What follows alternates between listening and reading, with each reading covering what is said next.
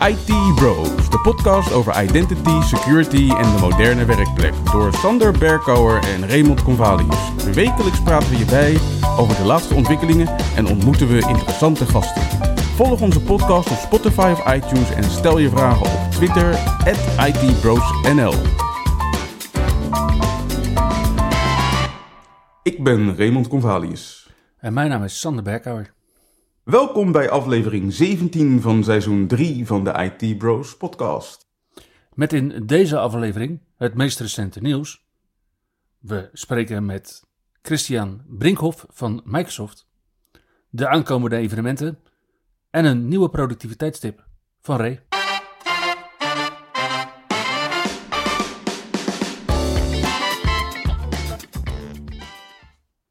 Maar we beginnen zoals vanouds met het nieuws. Deze week waren er in ieder geval tot nu toe nog geen nieuwe beelds in het Windows 11 Insider Preview programma. Maar er was wel nieuws rondom Windows. Toch zo? Ja, ja. Ja, en, en sorry dat wij inderdaad met onze dronken hoofden op Koningsdag niet meer het nieuws gaan checken. Of daarna nog gaan opnemen. We hopen op jullie begrip. Zien we dat er inderdaad wel nieuws is rondom Windows 11. Ja, en eigenlijk niet alleen Windows 11, maar ook Windows 10, Windows Server 2019 en Windows Server 2022. Want wat het nieuws is deze week, is dat de Windows Local Administrator Password Solution nu ook Azure Active Directory ondersteunt in Public Preview. Nice. Ja, en dat betekent dat het onderdeel is geworden van het Entra-portal. En dat je in het Entra-portal, ja, en voor al die mensen die nog niet geredirect worden naar het Entra-portal, dus ook nog steeds in portal.azure.com onder Azure Active Directory. En dan onder devices, daar de lokale administrator password wachtwoorden kunnen raadplegen. Mits zij een rol hebben die dat mag. En dan moet je denken aan de Global Administrator, de Cloud Device Administrator, de Intune Administrator. Of als je zelf lekker granulair met rollen aan de slag bent richting Custom Admin Roles, dan moet je even denken aan het device.localcredentials.read.all permission. Want die geeft dat namelijk ook als recht. Nou, zoals ik al even zei, Ray, dat zit dus in het Entra-portal. En dan ga je natuurlijk de geëikte vraag krijgen. Is dit dan premium functionaliteit? Ja, inderdaad. Nou nee, het zit gewoon in Azure AD Free. Oké. Maar als je het wil instellen, is het wel handig als je Intune hebt. Je weet. Ongetwijfeld. Ja, ja, ja, ja. ja. Maar dat hoeft niet, hè? Je kan het ook gewoon met group policy doen, want zowel Hybrid Azure AD Join, de mode waarin we eh puppies eh, ritueel slachten, maar ook in Azure AD Join, de pure Azure AD Join, kun je gebruik maken van deze nieuwe Windows Labs functionaliteit. Ja, volgens mij zag ik ook een hele fraaie cheat sheet voorbij komen van de week over labs. Ja, maar in die cheat sheet zie je dus niet hoe je het moet instellen. Daarvoor moet je nog steeds eventjes wel wat doorklikken. Uiteraard. Ja, mocht je dan nu gelijk jeukende handen hebben. we snappen het hè. Gewoon even die podcast pauzeren. Dat even doen en dan weer terugkomen. Maar zorg er dan wel voor dat je in ieder geval Windows 10, 20H2, 21H2 of 22H2 draait. Met die laatste update dus van dinsdag 11 april. Mhm. Windows 11 21H2 of Windows 11 22H2. Of Windows Server 2019 of Windows Server 2022. Ook allebei weer met die updates van 11 april. Want ja, daar zit die Windows Labs natuurlijk in. Nice.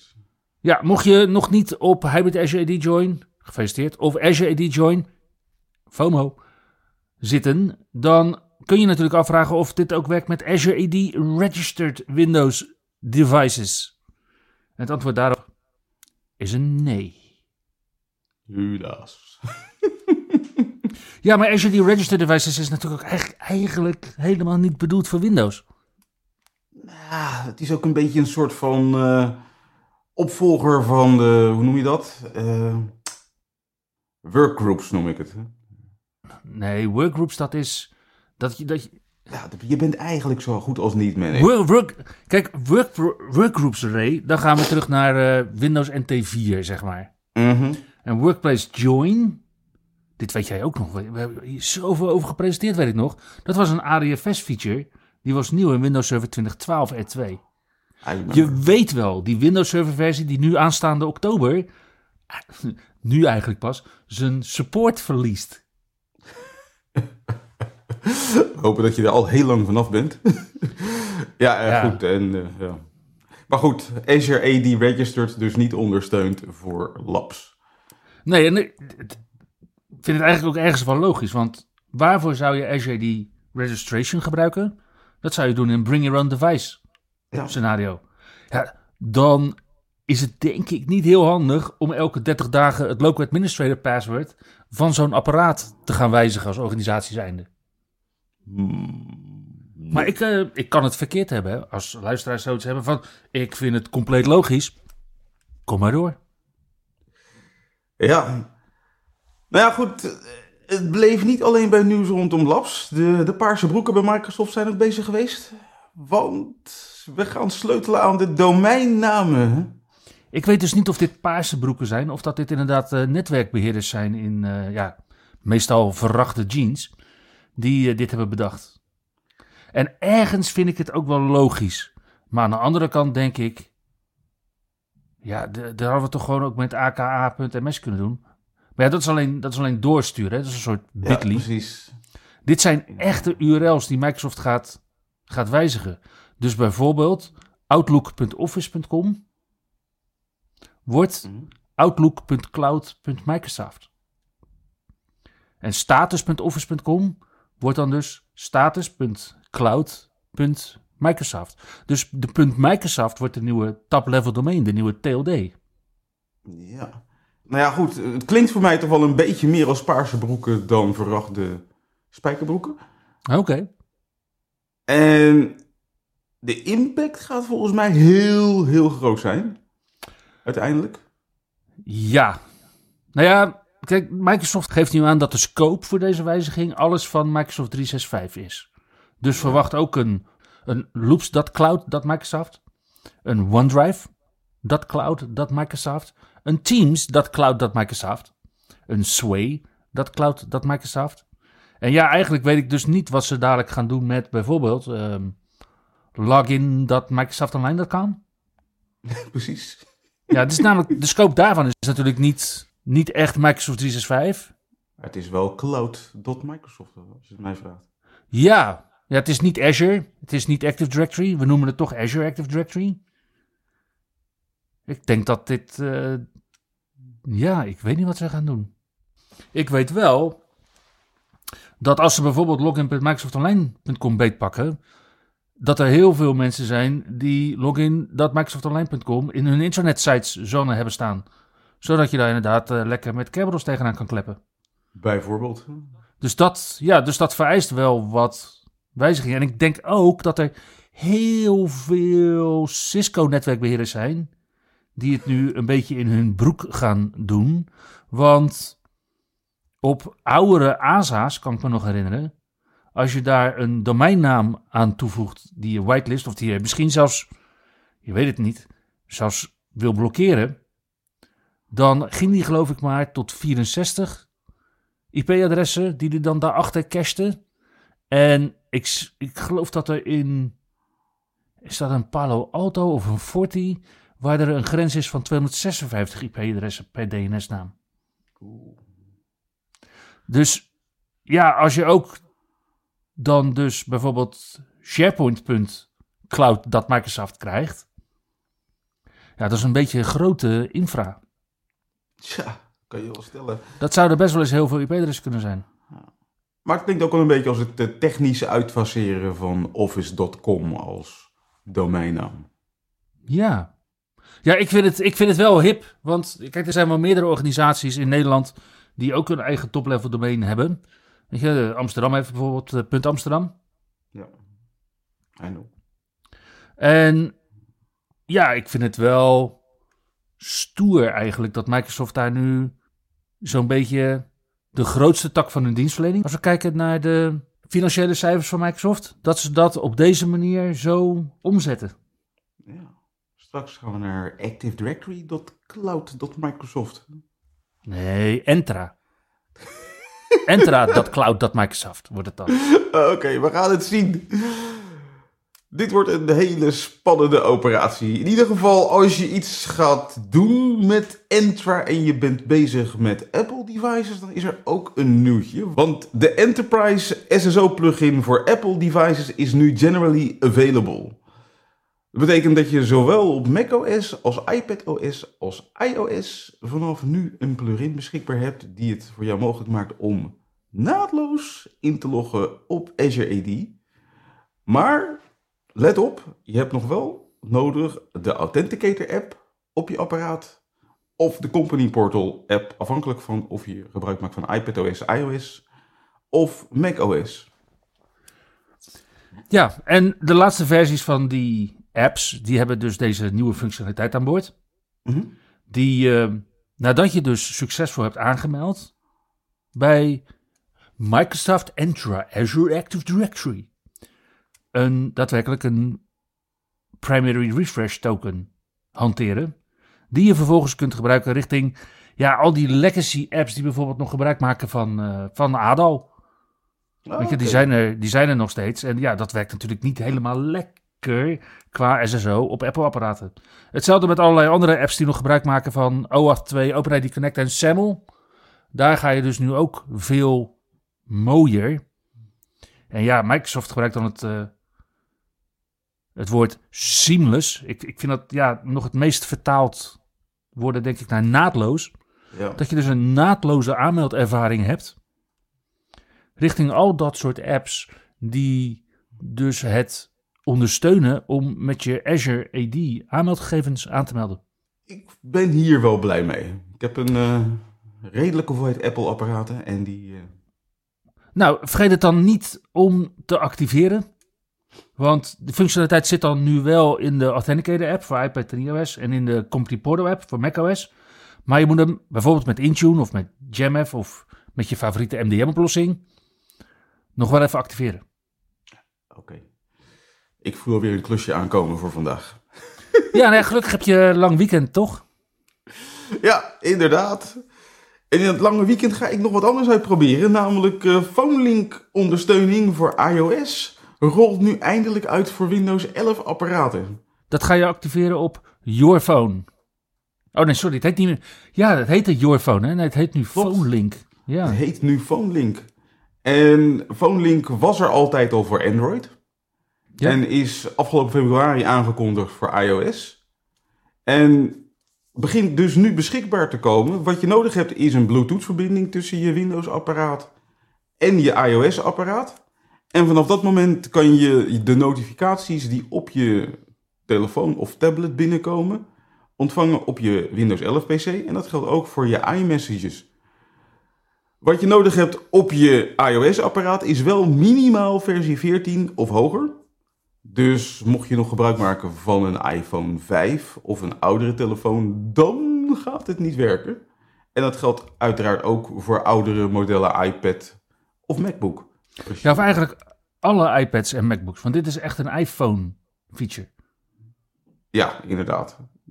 Alhoewel, je eh, iMessages kunnen ook binnenkomen op je iPad. Maar goed. Ja, ik heb het idee dat Microsoft dit heel erg gelimiteerd heeft tot echt alleen iPhones. Oké, we gaan het zien. Ja, het heet natuurlijk ook PhoneLink, dus geen Padlink. Ja, het heet, ja, het heet PhoneLink en niet Padlink. Ja. Of MacLink. Ik ga het in ieder geval eh, ook nog even Of- uitproberen dit weekend. Of eh LaptopLink. Wow, wow, wow, wow, wow. Jeetje, wat haal ik nu ineens 25 jaar oude productnamen uit de mottenballen, mensen? Ja, ja, ja. Excuses. ik, ik vraag me af hoeveel luisteraars we nu ineens met allerlei trauma's eh, opzadelen van eh laptop-link migraties. Ah, oei. Weet, jij, weet jij het nog, laptop-link? Ja. Laptop-link was de vroegere naam van, van Ghost. Eigenlijk, dat is na, naderhand is dat Ghost geworden. Ja, maar dat was toch ook zo'n product waarbij je met een soort van serieel kabeltje tussen twee laptops een migratie kon doen? Ja, ja, dat was voordat we TCP/IP eh gingen doen. Ja, precies. Oké. Praten we over lang, lang, lang geleden. Ja, toen netwerken nog van Twinax waren. Toen er nog vloerbedekking lag in serverruimtes. En serverruimtes in houten rekken hingen. Mooi waren die tijden. Ja. Goed, nou ja, even terug naar het hier en nu. Als je gebruik maakt van Outlook op de Mac, is er ook nieuws. Want daar zijn nu de e-mailprofielen voor Outlook beschikbaar gekomen. En toen ik dit las, moest ik eigenlijk meteen denken aan Outlook-profielen op Windows. Ja, ja. Maar dat zijn dit dus niet. Dit, is, dit gaat erover als jij meerdere mailboxen hebt geconfigureerd in Outlook. Mhm. Voor bijvoorbeeld je werk en voor privé. Dan kan je in zo'n profiel aangeven welk van die mailboxen notificaties mag genereren. Zodat je bijvoorbeeld het- buiten werktijd alleen nog maar de notificaties ontvangt van je privémail en niet van je werkmail. ja, ik vind het toch wel heel naïef hoe je daar dan, dan in zit, Ray. Vertel.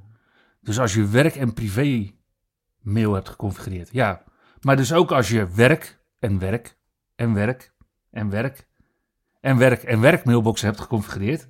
Dat je dus kunt aangeven op welke dag je alleen notificaties krijgt van nou, die klant waar je dan die dag bent. Bijvoorbeeld. En daar kan je dus een e-mailprofiel voor aanmaken, en zodat alleen op die dag van die klant de notificaties binnenkomen. Ja. ja, ik hoop dat mensen hiermee gaan spelen, want het is nu preview. Ja. Jij geeft aan dat jij er al mee gaat spelen. Uiteraard. Nou ja, dan eh, denk ik dat als het. eh, ja, dan, dan hoop ik dat we er geen fout in gaan vinden. En dat het inderdaad eh, snel naar general availability kan. Ja, en ook snel naar bijvoorbeeld Windows. Het is nu namelijk alleen maar voor de Mac.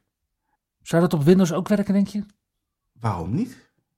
Nou ja, Outlook, Outlook op Windows is natuurlijk wel echt een ander beestje dan Outlook op de Mac. Ja, en ik hoop ook dat ze dan op Windows niet e-mailprofielen gaan noemen, want dan is de spraakverwarring helemaal compleet. Ja, maar mijn ervaringen met Outlook vanaf Outlook 97 vertellen mij toch misschien wel dat dat precies is wat er gaat gebeuren. Ja, we gaan het zien. Yep. Goed.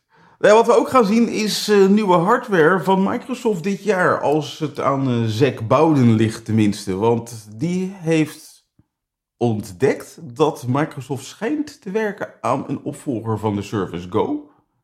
Oké. En dat wordt dan de Surface Go 4.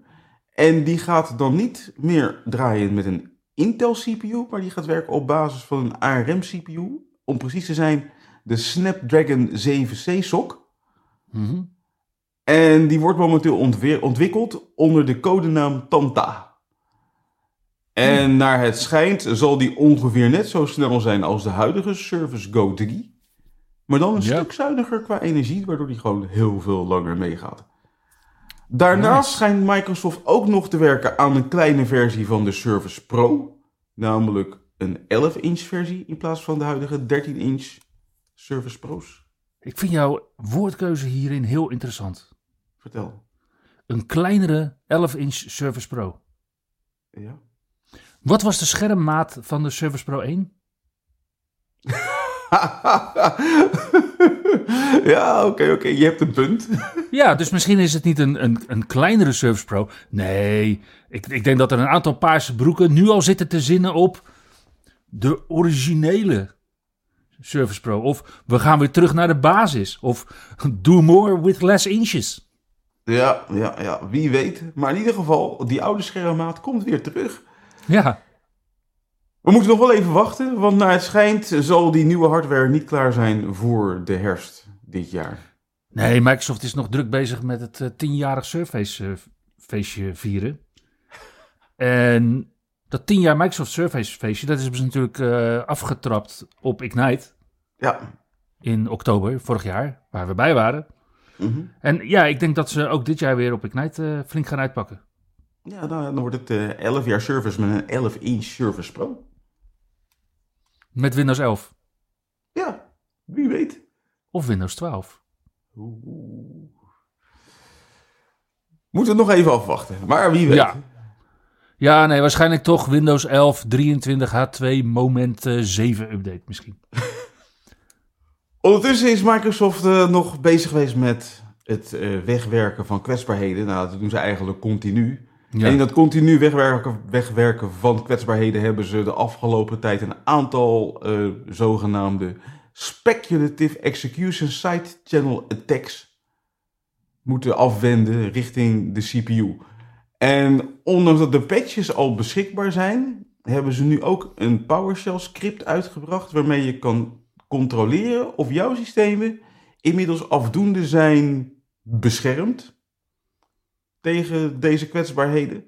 En die scripts zijn beschikbaar gekomen onder de naam Speculation Control.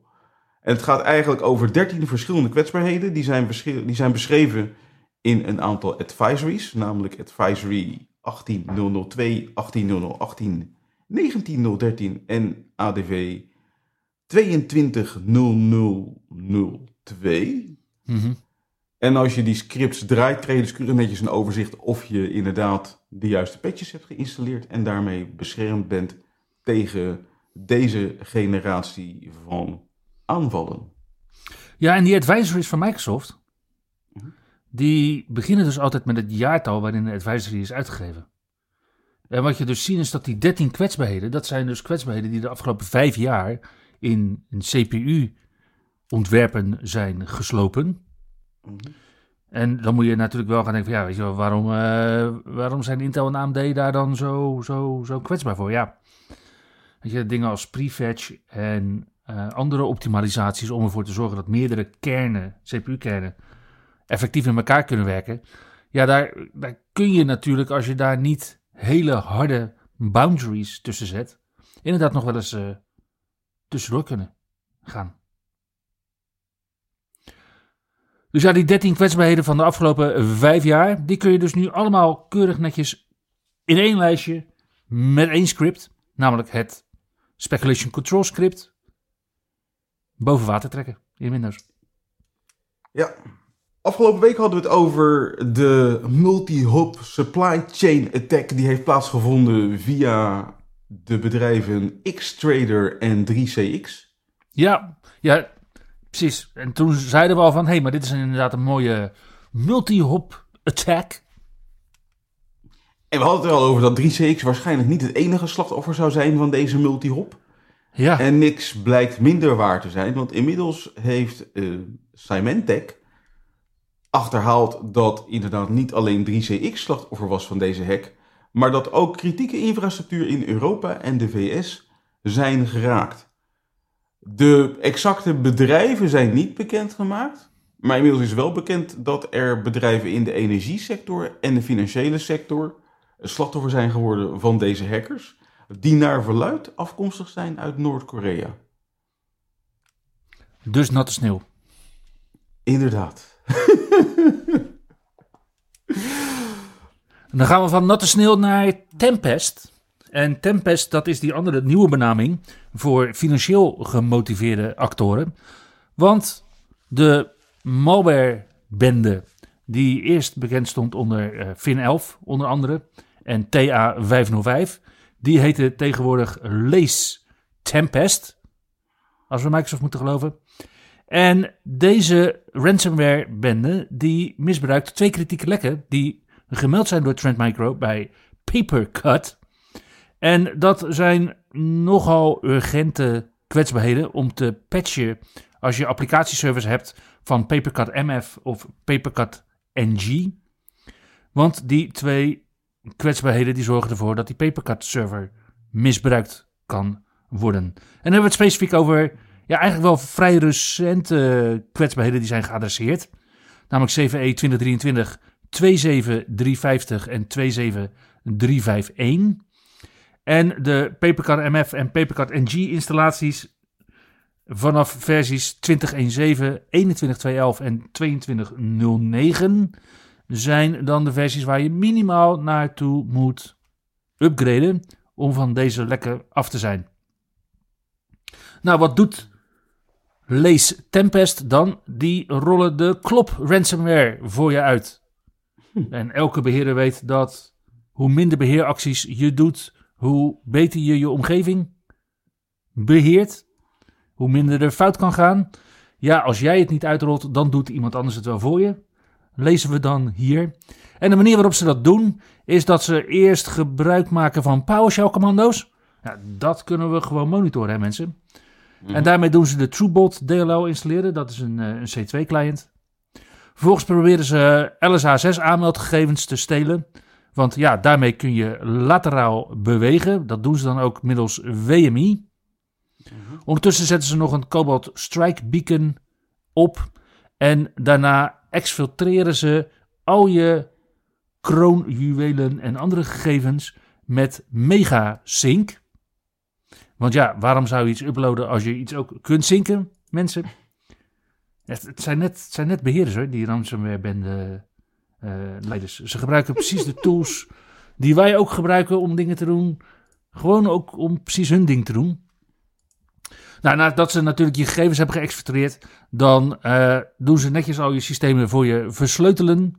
En mag je vervolgens aftikken om ja, niet alleen eventuele systemen te ontsleutelen, maar natuurlijk ook om te voorkomen dat de gegevens van jouw organisatie niet worden gelekt. En dat de persoonsgegevens die jouw organisatie eventueel in beheer had en die zijn gelekt, niet worden misbruikt om achter je klanten te gaan. Ja. Ja, er was nog een ander nieuwtje wat ik van de week ook voorbij zag komen. En die vond ik op zich ook wel interessant. Namelijk als je gebruik maakt van Process Explorer op je servers. Ja.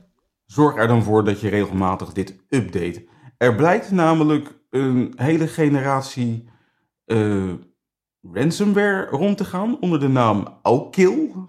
En Aukill die maakt gebruik van een kwetsbaarheid in de driver van Process Explorer. Te weten versie 16.32. En die kwetsbaarheid wordt vervolgens misbruikt om je defensieve software uit te schakelen op je systemen. Dus het is ja, ook eigenlijk een soort van supply chain bijna, zoals het dan gaat. Want dus die Aukill die maakt ervan gebruik dat jij ooit Process Explorer hebt geïnstalleerd op je systeem. Dat kunnen servers of clients zijn. En door vervolgens de kwetsbaarheid te misbruiken in Process Explorer wordt de EDR-software op die systemen uitgeschakeld. Dit is trouwens ontdekt door uh, Sophos. En die hebben dit helemaal beschreven in een artikeltje. Dat gaat dus over de Aukill EDR-killer. En ja, ik vond het wel een goede om nog even in de gaten te houden. Want het zijn typisch van die componenten software. Die zet je een keer op je machine. denk je van een handig toeltje als we ooit nog eens een keer moeten troubleshooten, dan hebben we het erop staan. Vergeet het niet te updaten. Ja, en kijk, die sysinternals tools, die kun je natuurlijk ook uh, live gebruiken. Dan download je ze niet, maar dan gebruik je ze gewoon uh, precies uh, vanaf de webserver. Maar ja, dat heb je natuurlijk niet op je domeincontroller waar je geen... Waar, waar de meeste beheerders nog steeds geen internet op hebben. Nee. Maar jeetje, uh, Mark, uh, Mark Rozinovich is natuurlijk de auteur van Process Explorer. Die, die heeft toch helemaal geen bugs in zijn software? Alle nou, functionaliteit uh, doet het toch gewoon gelijk? Daar wordt ook regelmatig geüpdate. Ook door Mark Rozinovich. Ja, want we kwamen Mark tegen. Vorige week. En die herkende jou gewoon weer. en dus misschien moeten we dat verhaal ook nog even delen met de luisteraars. Ja, waar, waar, kent, waar kent Mark Rusinovich jou nou ook weer van? Nou, er zijn wel een paar gelegenheden waar hij mij van kan kennen. Lang, lang, lang geleden schreef ik boeken. En uh, tijdens het schrijven van die boeken vond ik onder andere ooit een keer een issue in uh, de tool WhoAmi. Ja. En ja, ik zag wel iets raars en ik kwam er niet uit. En ik denk van dit is wel heel vreemd. En toen heb ik Mark een mailtje gestuurd van Mark, Huamai geeft een rare uitkomst hier. Uh, ligt dat aan mij of is er iets anders aan de hand? En toen schreef hij me terug van... Um, Did you use Process Explorer? dat was al een hele. Om te controleren of hier een fout in zit. En er bleek inderdaad een fout te zitten in Huamai.exe. Dat uh, wist hij uh, te bevestigen. En toen heeft hij vervolgens het Windows team gevraagd om dat te fixen. Dat is ook gebeurd. Dus dat was een leuke eerste kennismaking. En later ben ik hem nog een keer tegengekomen en dat, werd, dat was nog veel leuker eigenlijk. Toen was ik bezig een presentatie voor te bereiden met onze vriend Erdal Olskaya. Mm En daar hadden we een stukje demo in zitten waarbij we zouden laten zien hoe applicaties worden beschermd in Windows 10, denk ik was het op dat moment. En dat zouden we ook zeg maar aantonen aan de hand van uitkomsten uit Process Explorer. En alleen Process Explorer gaf een uitkomst die wij daar niet verwachten. Dus we zaten dat voor te bereiden in de speakerroom van de TechEd of Ignite conferentie. Ik weet niet meer precies welke van de twee het was. Mm En ik laat Erdal dat zien en ik zeg, snap jij waarom dat daar staat? Nee, zegt hij, ik snap het ook niet. Maar Mark zit hier achter ons. En inderdaad, Mark uh, zat twee rijen achter ons ook zijn presentatie voor te bereiden. Dus ik ben naar Mark toegestapt, zeg Mark, eh, kan je even meekijken, want wij snappen dit niet. En hij kijkt over onze schouders mee, ziet uh, die uitkomst in Process Explorer en hij zegt, oh, but bug. En hij loopt terug naar zijn pc, hij start Visual Studio op, pakt de broncode erbij van Process Explorer, springt, springt naar regel 25.000 nog wat nog wat en begint de code aan te passen om die bug te fixen. Daarna zegt hij tegen me van, um, what's your email address? En ik krijg gewoon een gebugfixte versie van Process Explorer om de volgende dag te gebruiken tijdens onze presentatie op TechEd. Op dat moment was Mark al de CTO van Azure, maar onderhield hij dus nog steeds zelf de broncode van Process Explorer. Inmiddels doet hij dat zelf niet meer, heb ik begrepen. Heeft hij daar eh, assistenten voor in dienst genomen. Maar ja, als je dat er nog even bij doet als CTO van Azure, ja, mijn respect heb je dan wel verdiend. Zeker. Mocht je na dit verhaal helemaal geïnteresseerd zijn in Process Explorer, download dan vooral de laatste versie. En dat is versie 17.04.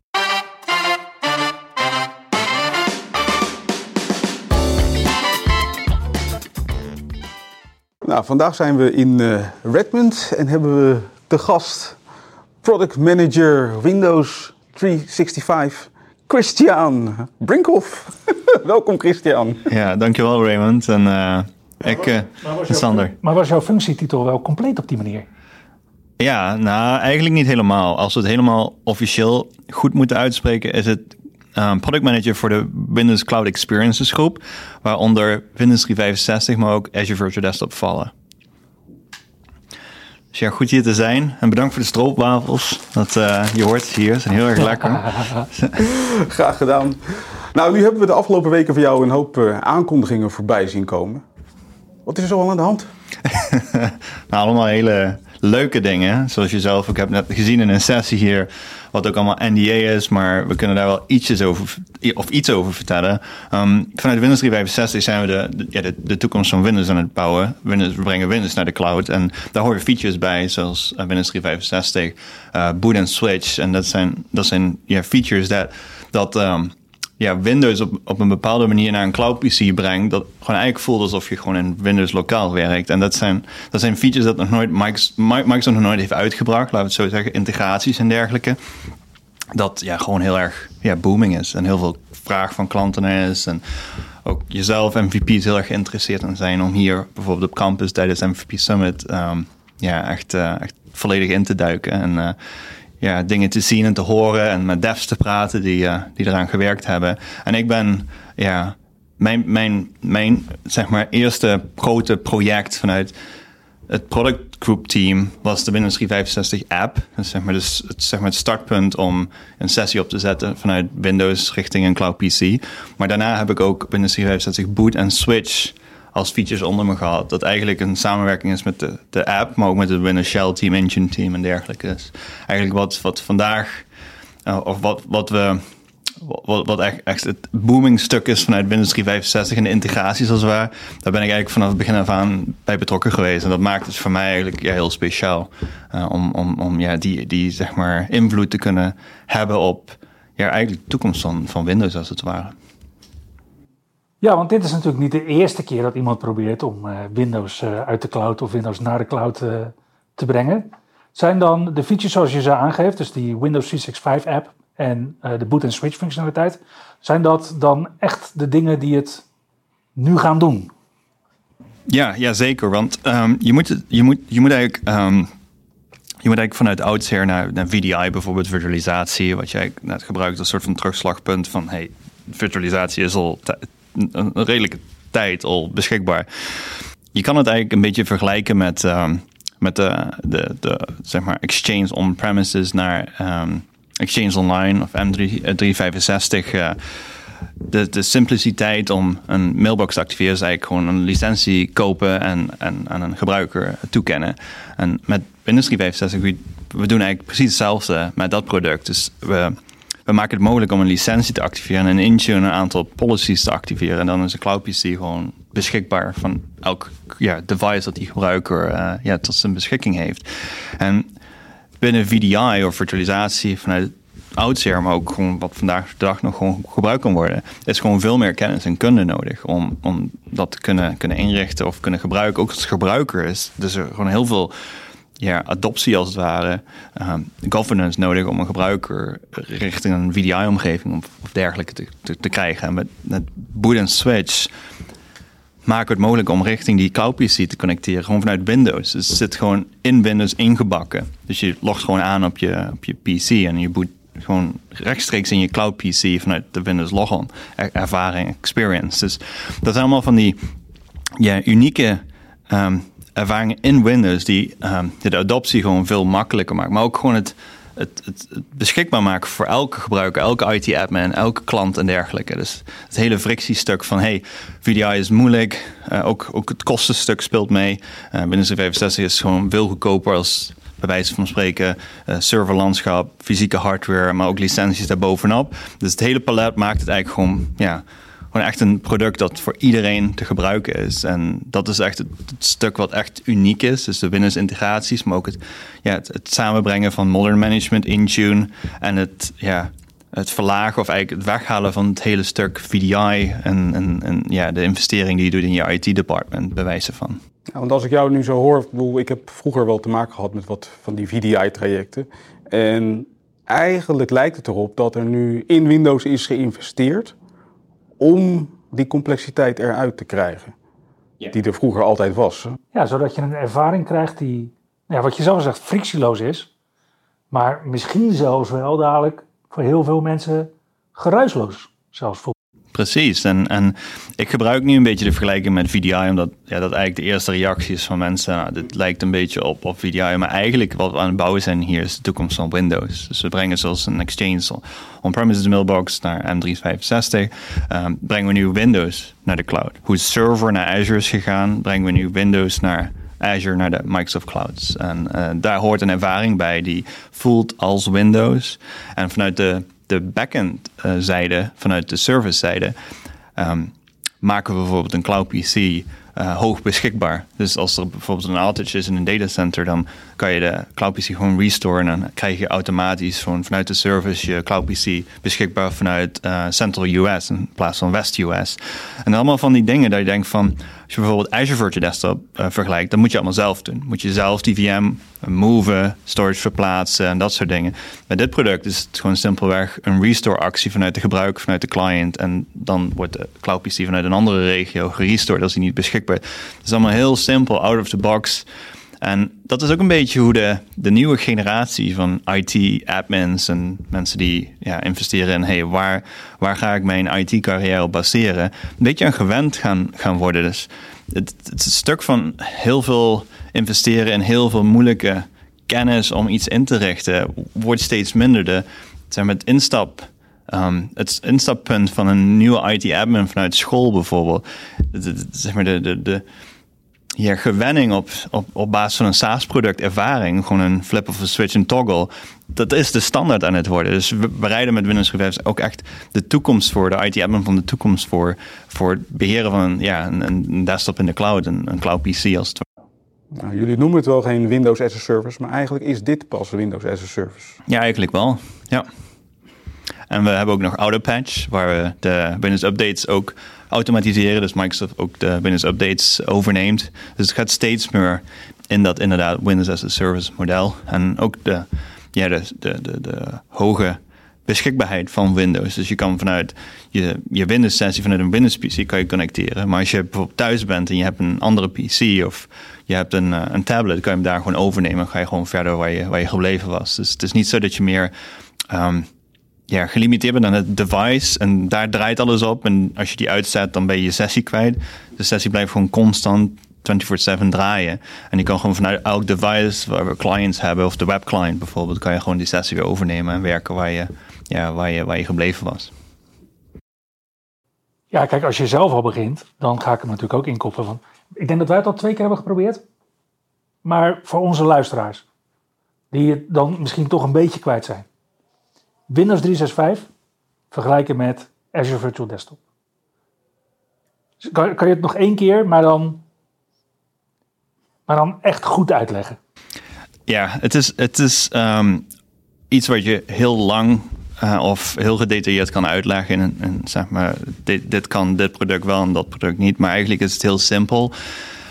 Windows 365 is gebouwd vanuit een SaaS-principe. Dus heel simpel. Alles werkt gewoon out of the box. Uh, de, de Windows-integraties zijn Windows 365.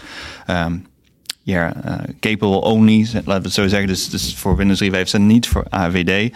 En de reden daarvan is dat ja, Windows 365 echt een Windows-product is, wat geïntegreerd is in Windows en echt een SaaS-product is. Dus de categorie Cloud PC is zeg maar SaaS. En dan um, we hebben ook Cloud VDI en Cloud VDI is AVD. En dat is ook cloud, maar niet volledig cloud. Dus zeg maar een soort IaaS en PaaS, zeg maar um, Platform as a Service gecombineerd. Maar nog steeds heel veel verantwoording voor de klant, maar ook heel veel flexibiliteit. Dus je hebt nog steeds die VDI-kennis nodig om dat allemaal te kunnen inrichten. Uh, zoals wat ik net zei, um, BCDR, hoge beschikbaarheid en dergelijke. Dat kan je allemaal zelf doen, maar je moet het wel zelf doen. Met Cloud PC doen we dat out of the box, ook from fixed price. En met Azure for Desktop is al pay as you go. Um, een ander um, ja, groot verschil is, is ook um, de manier hoe je het inricht. Dus AVD is allemaal Azure. Dus je hebt Azure kennis daarvoor nodig. Uh, Cloud PC is modern management. Dus als je een uh, Intune expert bent, je doet mobile management en physical PC uh, management, dan kan je eigenlijk gewoon een Cloud PC inrichten en, en maintainen. Dus je kan vanuit de Cloud PC oogpunt Um, mocht je bijvoorbeeld een, een VDI-omgeving hebben en als um, um, IT-manager bijvoorbeeld luisteren en je, je wilt die, die expertise wat meer consolideren met het modern management team, dan is CloudPC een hele goede oplossing om die, ja, die IT-admin kennis en kunde allemaal binnen één team onder te brengen vanuit één product, want, zeg maar één unified management oplossing. CloudPC's, maar ook fysieke PC's, PC's uh, te, te managen.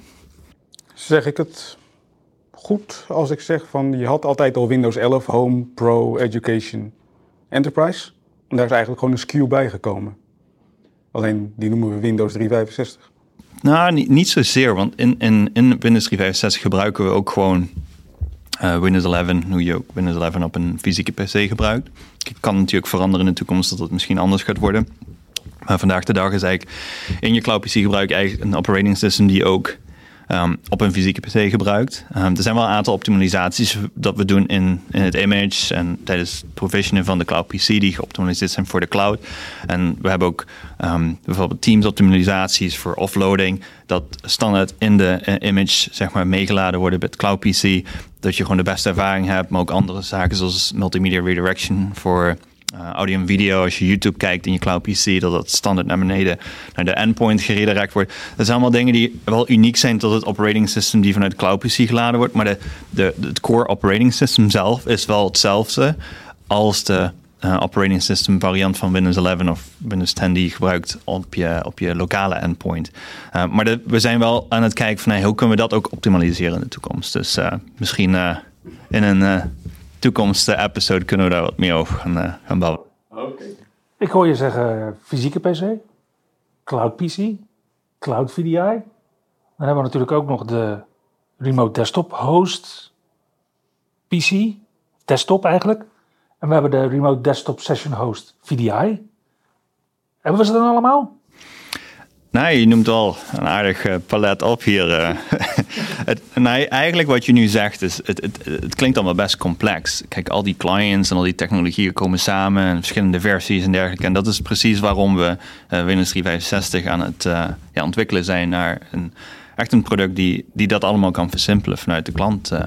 En, en, en, ja, we, we, zien en horen ook echt van klanten van hey, we hebben deze omgeving, we hebben deze technologie. Um, we willen dat gewoon allemaal soort van samen trekken naar één, één oplossing. En Windows 365 is echt het, het antwoord, zeg maar, voor, voor dat.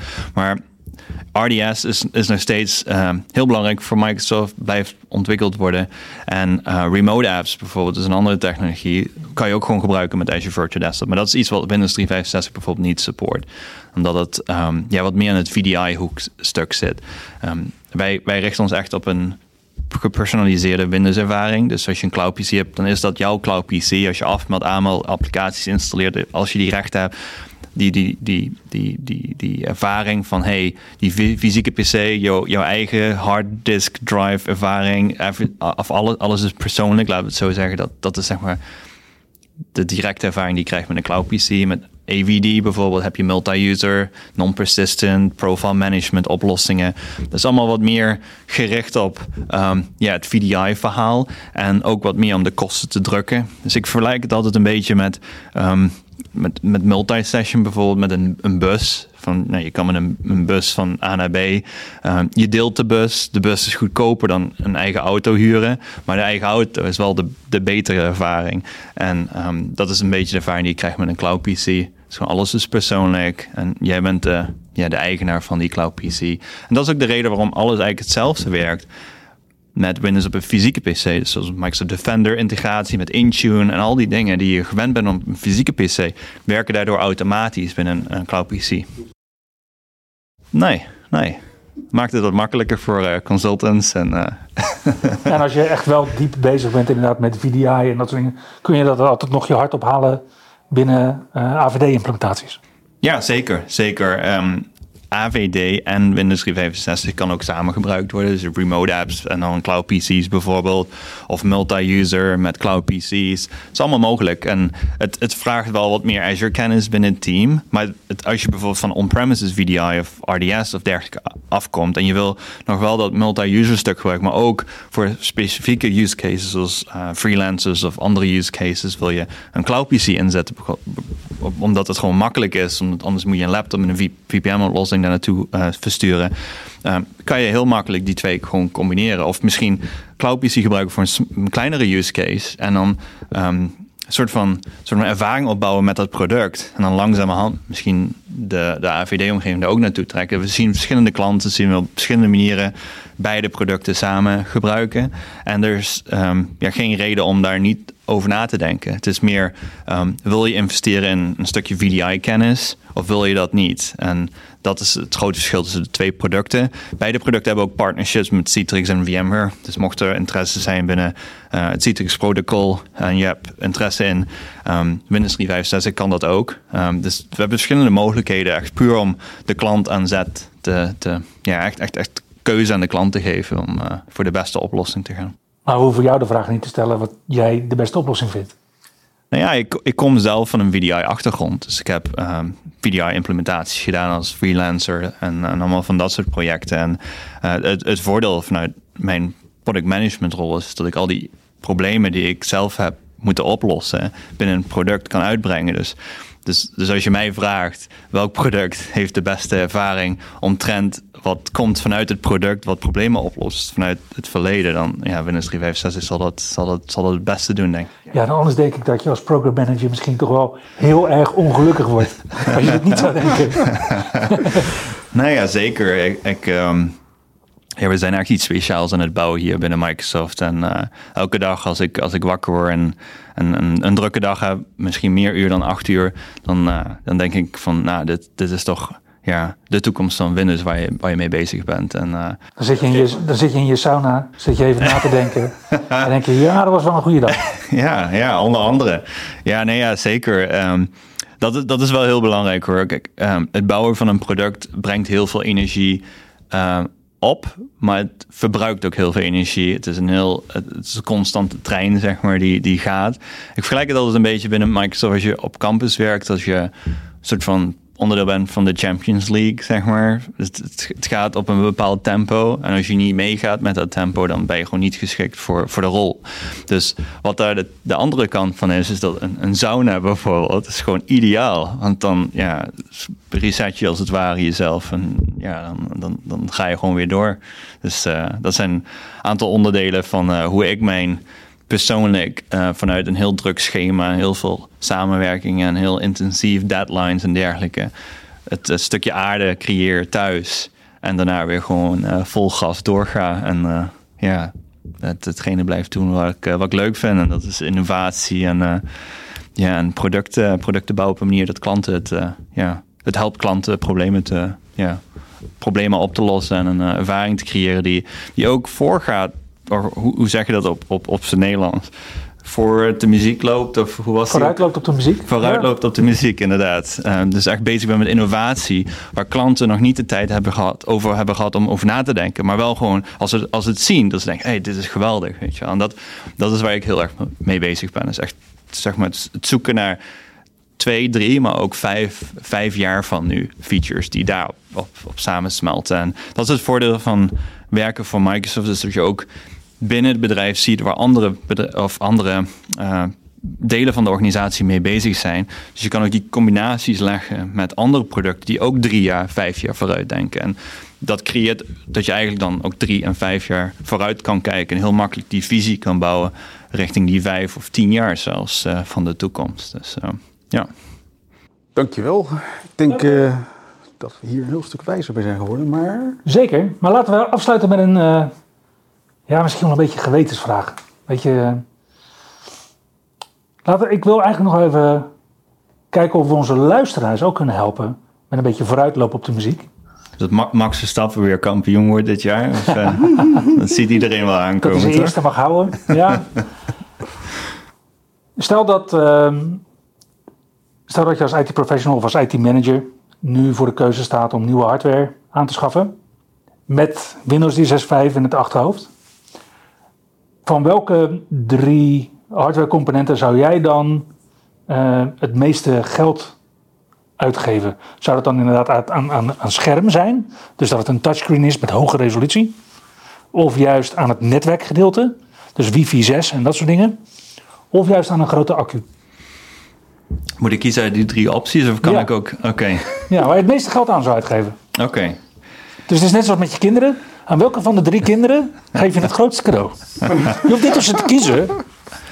Nou ja, wifi is, is heel belangrijk, maar ik denk vandaag de dag dat relatief veel bedrijven de wifi-structuur redelijk op orde hebben. Dus, dus ik denk dat de baseline vanuit wifi op een bepaald niveau is vandaag de dag dat het goed genoeg is om richting een cloud-product te connecteren. Um, dus dan zou ik bijvoorbeeld voor uh, ja, misschien battery gaan, accu. Um, kijk, wat, je, wat, je, wat je gaat merken is dat de hardware op de edge, de edge, de client zelf, gewoon veel en veel belangrijker gaat Ja. worden in de aankomende jaren. Dus een accu is daar een onderdeel van. Maar ook hardware op de endpoint. Uh, denk bijvoorbeeld, nou, nu vandaag draai je uh, Windows 11 op een, op een Surface device dat de hardware heeft om Windows te draaien lokaal. En daar ook echt gewoon de hardware voor moet hebben om dat stabiel te kunnen draaien met Teams en alle applicaties samen. Um, maar in een toekomstbeeld, denk aan hardware die purpose-built is. Dus echt het, het lokale stuk heeft wat, wat nodig is om Windows vanuit de cloud te gebruiken. En dan vanuit de cloud weer andere hardware heeft. En daar ook weer een samensmelting in samen gaat, gaat vinden. En dat is, dat is een beetje de richting waar, waar, waar, waarnaar je moet gaan denken. In, in, in zeg maar investeringen in de toekomst. En um, hardware die vandaag de dag gebruikt wordt, um, is, is allemaal geschikt om richting Windows 365 bijvoorbeeld te connecteren. Dus de vraag is, wat is de volgende hardware daarvoor? En dat zijn dingen waar ik bijvoorbeeld heel erg mee bezig ben. Van hoe gaat een, een, device van de toekomst eruit zien in combinatie met Windows? Dus um, ja, richt je voor, voornamelijk op de, de devices, de, het endpoint stuk. En als wifi niet op orde is vandaag dag, maak het op orde. Maar ik denk dat dat relatief wel, wel, goed, goed op orde is. Dus, uh, dus ik hoop dat dat helpt. Um, en uh, ja, um, misschien in een volgende aflevering kunnen we daar nog eens een keer op aanhalen. Super. Ik voel een soort van revival van de Tim Client aankomen, maar... Uh... Ja, als hij maar wel Windows doet. En redirection ondersteunt en, en, Ja, en dat soort ja, dingen inderdaad. precies. Ja. En touch. En ik denk dat dat ook wel belangrijk is om een endpoint. Ja, een groot verschil denk ik dat, dat Tin Clients, als je vanuit oudsher Tin Clients, dan was Tin Client Windows, had je Windows Embedded of, of IoT. En dat was Windows en alle VDI-stukken bovenop was allemaal separaat. En dat voelde ook als een gebruiker, hey, het is iets aparts en je moet het er bovenop laden en dan werkt het samen. Met een toekomstperspectief, je, moet je een beetje denken van dat dat hele stuk geïntegreerd wordt. Zelfs met, met Boot bijvoorbeeld. Maar dan misschien met een tin client oplossing of iets in die richting. Dus er zijn allemaal verschillende dingen die we aan het uh, ja, onderzoeken zijn. Ja. En, ja, we uh, hebben natuurlijk een tijdje geleden hadden we Windows S-mode. Waar je dan geen Windows 32 applicaties meer op kon draaien. Dus misschien wel een Windows T-mode. nou ja, ik, uh, ik heb wat stroopwafels hier op tafel liggen. Als je volgende keer me nog een keer zo'n pak stroopwafels geeft, misschien dat ik er wat meer over heb. Hou in gedachten, Christian. hey, dankjewel uh, voor dit gesprek. Ja, jullie bedankt, Sander, Raymond. Uh, bedankt voor het hier zijn en ja, tot de volgende keer. Yes, dankjewel. Dankjewel. Dankjewel.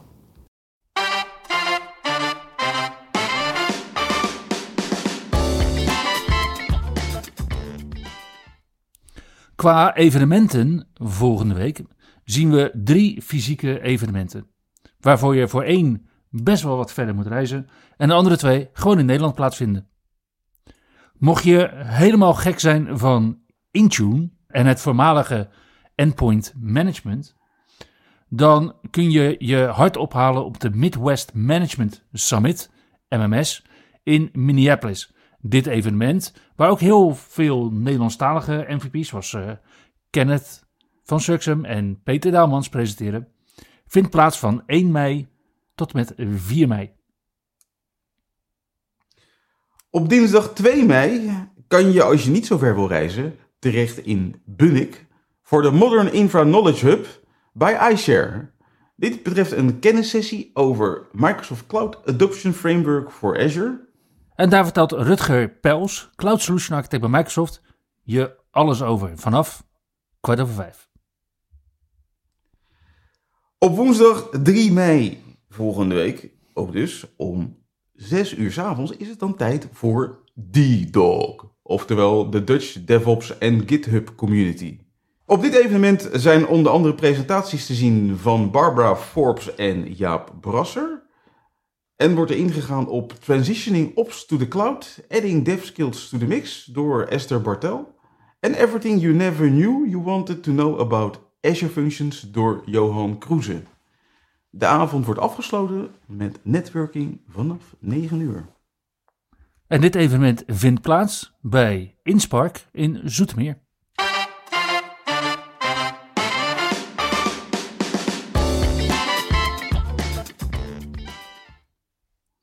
Hey Ray, de zomer komt eraan.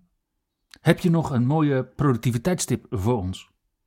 Ja, vorige week, ondanks dat het NDA was, ging het op de MVP Summit onder andere nog even over de widgets. Waar wij uh, regelmatig nog wel eens grappen over maken. Ja, ik geloof dat ik uh, als feedback richting het Windows team inderdaad aangaf dat ik blij ben dat het widgetboard nu zo groot is dat ik hem deze zomer kan gebruiken op de golven bij Hoek van Holland. Ja, inderdaad. Nou, dat groeiende widgetboard blijkt ook nog wel wat nuttige dingen te kunnen. Want uh, ja, wat, natuurlijk de, grote ergernis, ik bedoel, ik had het er nog over met mijn zoon, ik vertelde hem over dat widgetboard. Ja, zegt hij, dat, dat is dat, dat hinderlijke ding wat verschijnt wanneer je je muis links onder in het scherm houdt van Windows 11. En dan krijg je allemaal nieuws over entertainment en royalties en showbiz. Waar je niet op zit te wachten. En dan klik je het snel weer weg en dan ga je weer andere nuttige dingen doen. En het blijkt dat je de inhoud zeg maar, van die items die je te zien krijgt op je widgetboard, toch, op je widgetboard, toch gewoon echt zelf wel enigszins kan sturen. Standaard verschijnt inderdaad het nieuws van Show24, Entertainment Today en Showbiz 365. Maar als je dat nieuws niet interessant vindt, zoals ik, dan kan je dus ervoor kiezen om die onderdelen van het nieuws te verbergen. Namelijk als je met je muis over zo'n widget heen schuift, dan zie je een icoontje verschijnen waarin je kan zeggen verberg deze widget. En dan kan je ervoor kiezen om alle widgets van die categorie niet meer te zien. Dus weg met show24.nl en Entertainment Today en Royalty 24-7. En RTL Nieuws en Panorama en... Ja, precies. En vervolgens kan je dus op een plusje klikken bovenin. En als je op dat plusje klikt, dan kan je vervolgens kiezen om bijvoorbeeld je Outlook-agenda in de widgetbord op te nemen. Of het weer, of het verkeer, of misschien beurskoersen als je dat interessant vindt. En ook bijvoorbeeld je phonelink informatie over je laatste binnenkomen berichten, berichten op je telefoon. En daarmee begint dat widgetbord misschien toch nog wel enig nut te krijgen. Het enige wat ik dan nog wel zou willen, is dat je bij de installatie van Windows als systeembeheerder kan zeggen van nou, doe mij voortaan maar geen Show24 en Entertainment Today in het widgetbord, maar gelijk Outlook en misschien het weer of verkeer. En dan zou de widgetbord wellicht nog een leuke toevoeging kunnen zijn voor Windows voor de mensen die niet geïnteresseerd zijn in royalty en showbiz nieuws. En dus toegevoegde waarde hebben richting je productiviteit. Precies. Dus uh, zorg dat je de widgetbord onder controle krijgt en gooi die gekke toestanden eruit en maak er iets van waar je wel wat aan hebt. En daarmee komen we het einde van aflevering 17 van seizoen 3 van de IT Bros podcast. Dankjewel voor het luisteren en tot volgende week. Tot de volgende keer. Je luisterde naar IT Bros, de wekelijkse podcast over identity, security en de moderne werkplek. Abonneer je op Spotify, iTunes of Google Podcast als je de volgende aflevering niet wilt missen. Heb je hints of tips? Laat dan van je horen op Twitter. ITBrosNL